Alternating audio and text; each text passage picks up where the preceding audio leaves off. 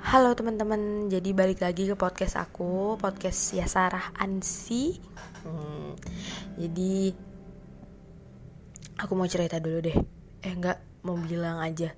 Kalau kalian denger suara-suara motor atau suara truk atau suara motor racing gitu yang abis dia papain tuh yang dipretelin itu itu tolong dimaklumin karena rumah aku deket banget dengan jalanan dan gak kondusif sama sekali jadi uh, tolong dimaklumin harap dimaklumin.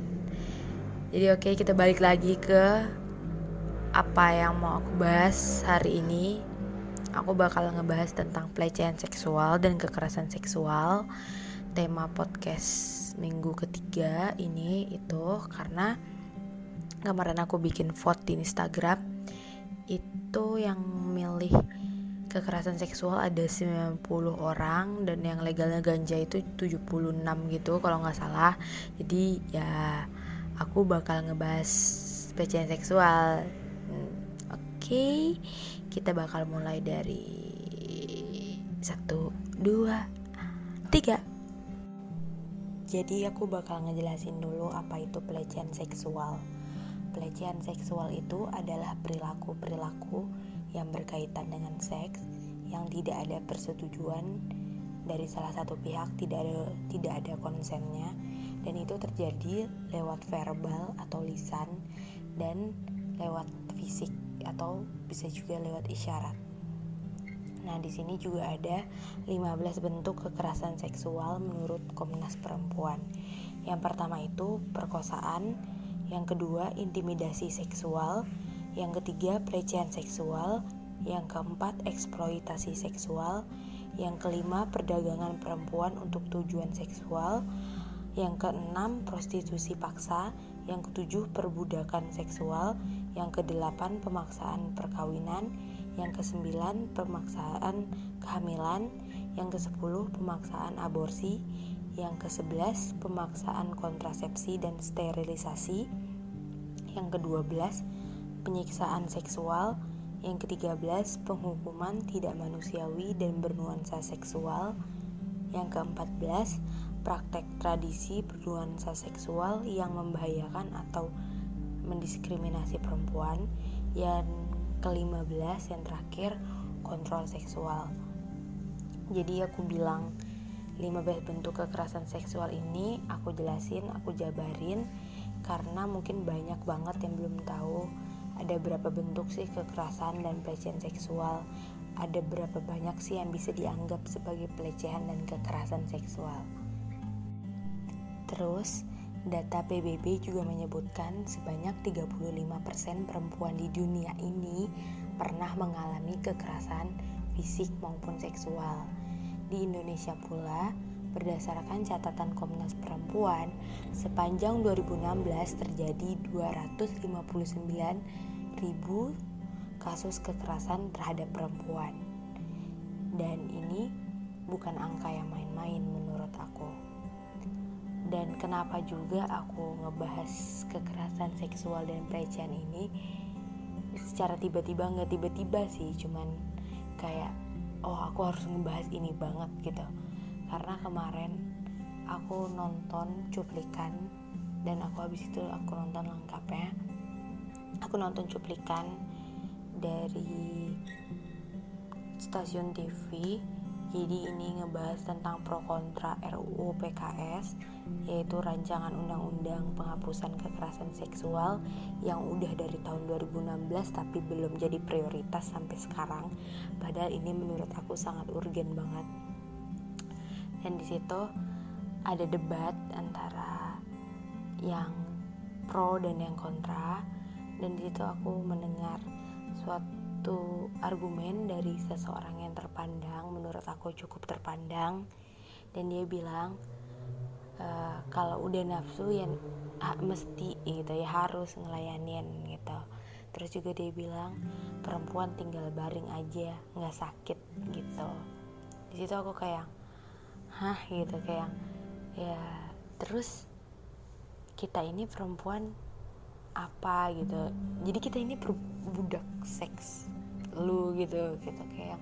Jadi kita nih cuma objek doang gitu. Objek seksual lu gitu. Karena emang stigma masyarakat di sini juga nganggep wanita itu objek. Karena juga masyarakat kita menganut budaya eh bukan budaya sih sebenarnya menganut patriarki yang atau patriarki itu apa adalah di mana suatu keadaan di mana laki-laki itu adalah yang mengendalikan semuanya di atas perempuan maksudnya gitu. Jadi laki-laki di atas segala-galanya gitu. Nah di sini juga aku mau bilang kenapa sih pelecehan seksual itu bisa dinormalisasi bisa di kayak yang angin lalu aja nggak di nggak urgen-urgen banget nggak penting-penting banget buat masyarakat kita gitu. Dikarenakan yang pertama itu adalah victim blaming dan yang kedua itu kurangnya edukasi dari dini. Kita tuh bener-bener kurang edukasi seksual oke aku yang pertama aku bakal bahas dulu tentang victim blaming. Jadi victim blaming itu adalah kondisi di mana korban yang disalahkan. Jadi contohnya ada kasus pelecehan seksual nih di jalanan atau di KRL atau di mana pun lah.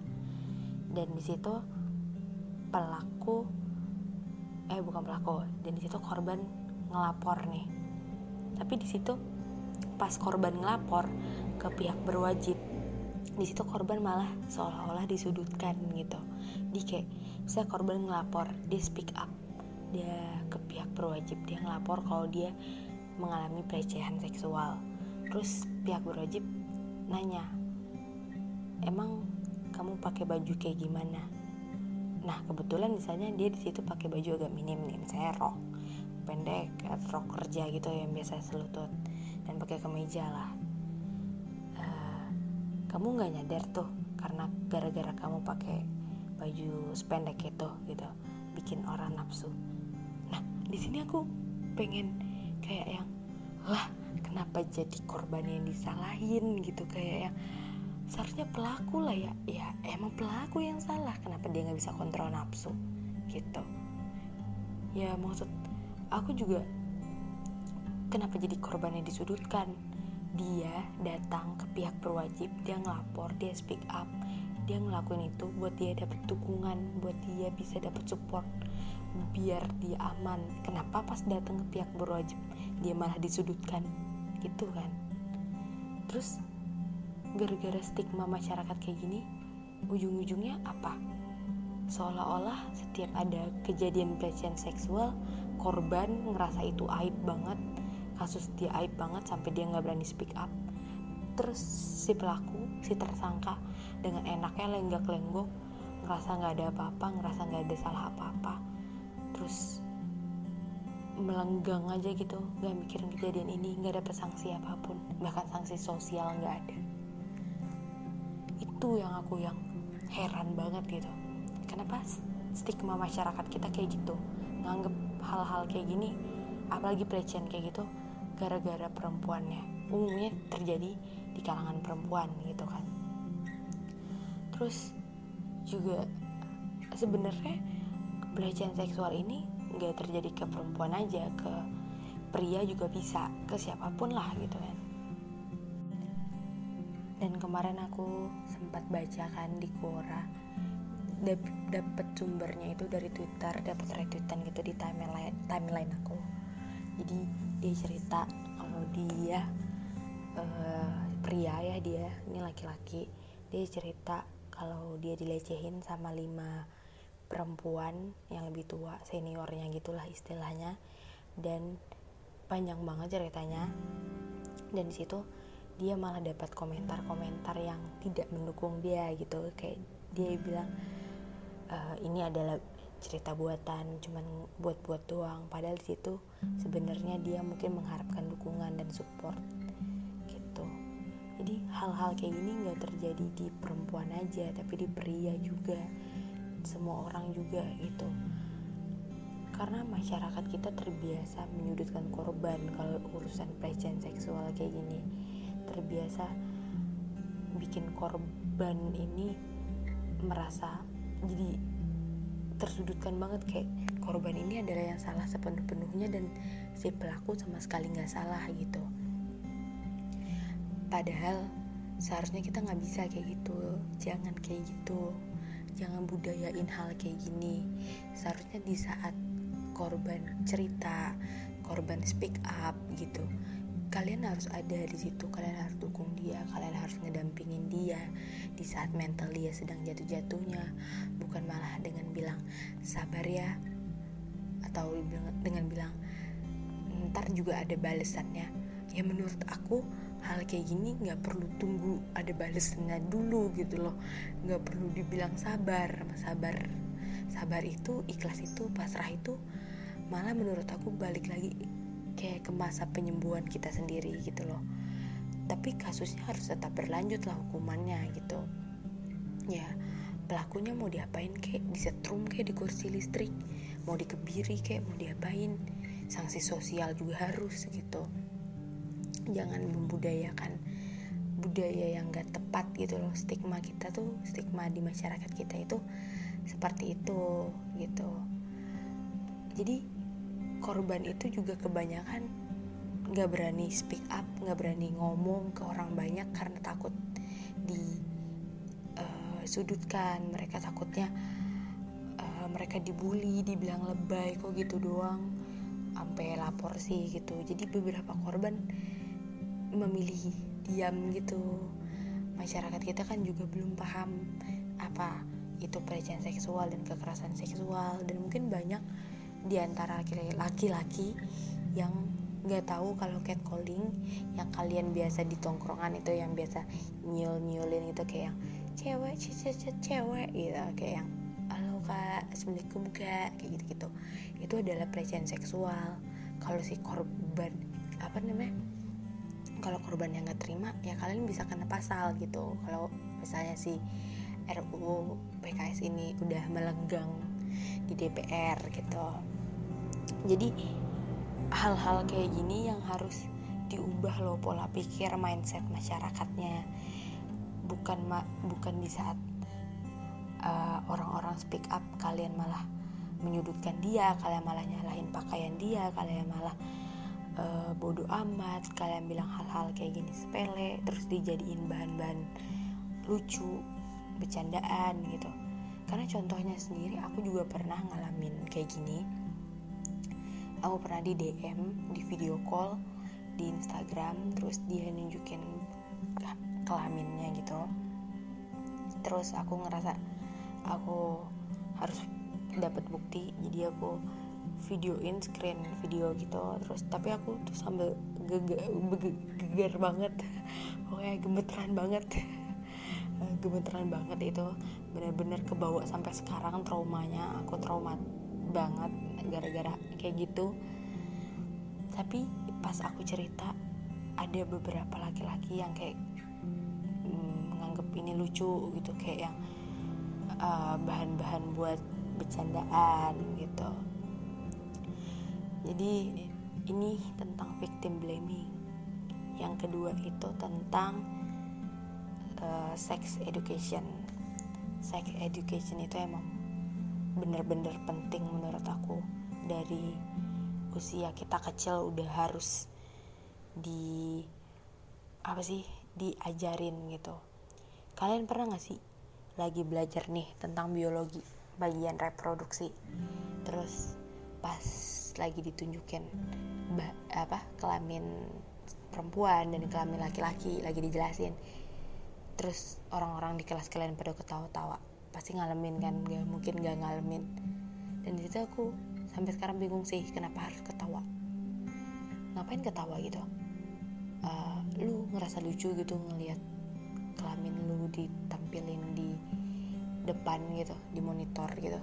Lu ngerasa ah, ih lucu banget nih kelamin gue di depan gitu. Ya kan gak lucu gitu. Kenapa harus diketawain? Padahal, padahal itu adalah bagian dari salah satu sex education gitu jadi sex education itu nggak perlu dianggap tabu menurut aku. Nggak perlu dianggap hal-hal kayak gini nih eh, nggak uh, apa sih nggak pantas diajarin. Ya pantas lah diajarin dari kecil. Misal kalian punya adik atau ntar kalian punya anak diajarin yang mana yang uh, punya sendiri. Jadi kayak contohnya uh, pas kalian mandiin adik kalian atau kalian lagi mandiin anak kalian gitu. Kalian bilang ini barang kalian pegang. Gak boleh dipegang bukan gak boleh gimana ya? Uh, punya kalian hanya boleh disentuh sama kalian kayak gitu. Pakai bahasa-bahasa yang menurut aku nggak mengintimidasi si anak si adik gitu. Nah aku kan udah jelasin apa itu victim blaming dan penjelasan singkat juga tentang sex education nah gimana deh gimana sih ngelawan hal-hal kayak gini gitu jadi kalian tuh harus bisa belajar berpikir dan bersikap kritis terhadap lingkungan dan media yang menggambarkan laki-laki, wanita, dan hubungan dan kekerasan. Jangan anggap wanita itu sebagai objek. Dan laki-laki juga jangan ngerasa kalian dominan dan kalian bisa mendominasi gitu. Dan sebaliknya menurut aku, karena pelecehan seksual kan bisa di, bisa dialamin oleh siapa aja. Terus yang kedua juga jangan menggunakan bahasa yang menyudutkan korban misalnya kalian menemani korban atau mendampingi korban dan kalian tahu dia sangat tertekan gitu. Kalau misalnya juga yang ketiga juga kalau kalian melihat orang atau teman kalian melakukan candaan seksual ke orang lain atau melakukan pelecehan ke orang lain atau ke diri kalian sendiri ngomong gitu tegur kalau kalian nggak suka gitu. Jangan diem aja. Kalau diem aja dia bakal terus-terusan kayak gitu karena dia ngerasa nggak bersalah. Dia ngerasa kalian fine fine aja dia ngelakuin pelecehan kayak gitu. Yang keempat juga kalau misalnya kalian kalau ada yang bilang ke kalian kalau dia dilecehkan kalian ngobrol sama dia kalian bicara kalian dukung dia gitu.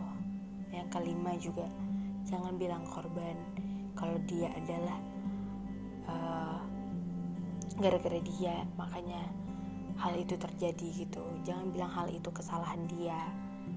Terus yang keenam juga jangan biarkan tersangkanya tuh kayak beralasan gitu kayak gara-gara si cewek gara-gara si cewek ini sih pakai rok minim makanya gue nafsu gitu.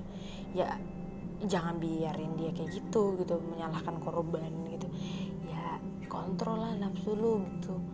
Ngapain lu nyalahin korban lu aja nggak bisa kontrol nafsu gitu.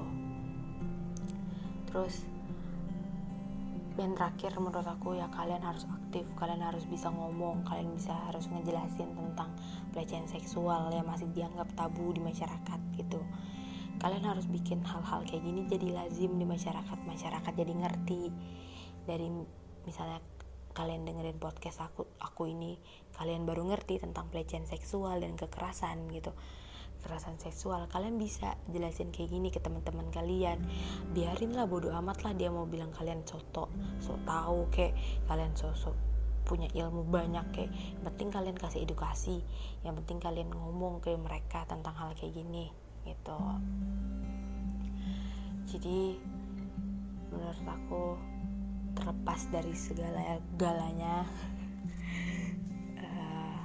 aku cuman minta sama semua orang di luar sana yang ngalamin pelecehan seksual tolong speak up gitu tolong ngomong tolong bicara.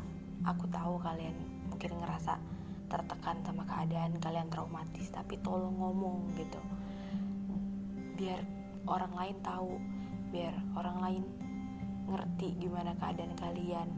Biar orang lain juga nggak ngalamin hal-hal kayak gini cukup sampai kalian aja gitu. Tolong ngomong tolong bilang ke semuanya biar si pelaku juga nggak melenggang bebas saja si pelaku juga harus dapat sanksi sosial lah bodoh amat nggak mau tahu gitu. Juga buat orang-orang yang selalu ngeremehin tentang pelecehan seksual dan kekerasan seksual. Oh iya juga buat laki-laki yang suka bilang pakai analogi apa uh, kucing kalau di eh kucing kalau dikasih ikan asin siapa sih yang nggak mau? Kalian nyadar nggak sih kalau analogi itu tuh juga ngerendahin kaum kalian? Ya masa? Jadi uh, kalau lu jadi kucing nih jadi lu cuma mau jadi makanan yang lu mau tuh cuma sebatas ikan asin doang gitu. Kalian cuman uh, mau apa sih kayak batasnya gimana sih? Aku susah deh ngejelasin deh uh, jadi kayak susah deh ya pokoknya. Jangan nganggep hal kayak gitu tuh sepele gitu.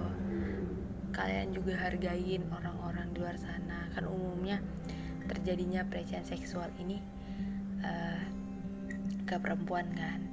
Jangan anggap hal-hal kayak gitu bercandaan hal-hal sepele. Padahal perempuan yang ngerasa gak enak banget jatuh martabatnya. Dia rendah diri langsung traumatis gitu jadi ya gitu. Tolong banget lah untuk semua semua manusia di luar sana. Tolong mengerti tentang hal ini. Jangan anggap hal ini tabu lagi ya. Buat orang-orang yang juga ngedampingin korban.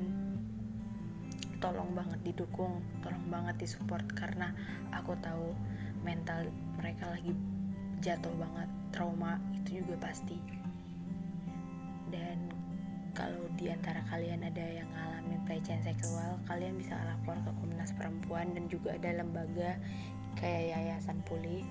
Atau mungkin kalian gak mau lapor kalian bisa cerita ke temen yang kalian percaya banget. Atau mungkin juga kalian bisa cerita ke aku. Ada kok beberapa orang yang cerita sama aku. Aku bakal ada. Kalian bisa whatsapp aku gitu. Kalian bisa dm aku. Kalian bisa cerita sama aku okay? jadi di sini aku bakal mengakhirinya gitu. Di sini udah jam berapa ya? Jam 2.36 dan jam setengah tiga subuh aku sore mau ke eh sore subuh mau ke bandara. Jadi aku mau tidur dulu. Jadi selamat subuh pokoknya makasih buat yang udah dengerin makasih banyak yang udah support aku. Ya Allah aku berasa ngartis banget ya padahal enggak. Uh, pokoknya makasih banyak yang mau denger dari podcast pertama aku. Aku nggak ngarep apa-apa. Cuma pengen beberapa orang mungkin ada yang teredukasi. Beberapa orang jadi tahu. Itu doang aku. Ya udah oke. Okay. selamat malam selamat pagi selamat siang selamat subuh buat yang lagi di mana pun yang lagi di warkop yang lagi di mobil yang lagi di motor atau yang lagi di mana-mana aja lah. Itu selamat beraktivitas selamat tidur. Selamat boker karena kemarin ada yang cerita sama aku dia no, dia dengernya sambil boker. Oke okay, makasih banyak ya. Maaf kalau misalnya aku masih belibet ya. Aku belajar pelan-pelan kok biar gak belibet. Oke okay? bye bye bye bye selamat tidur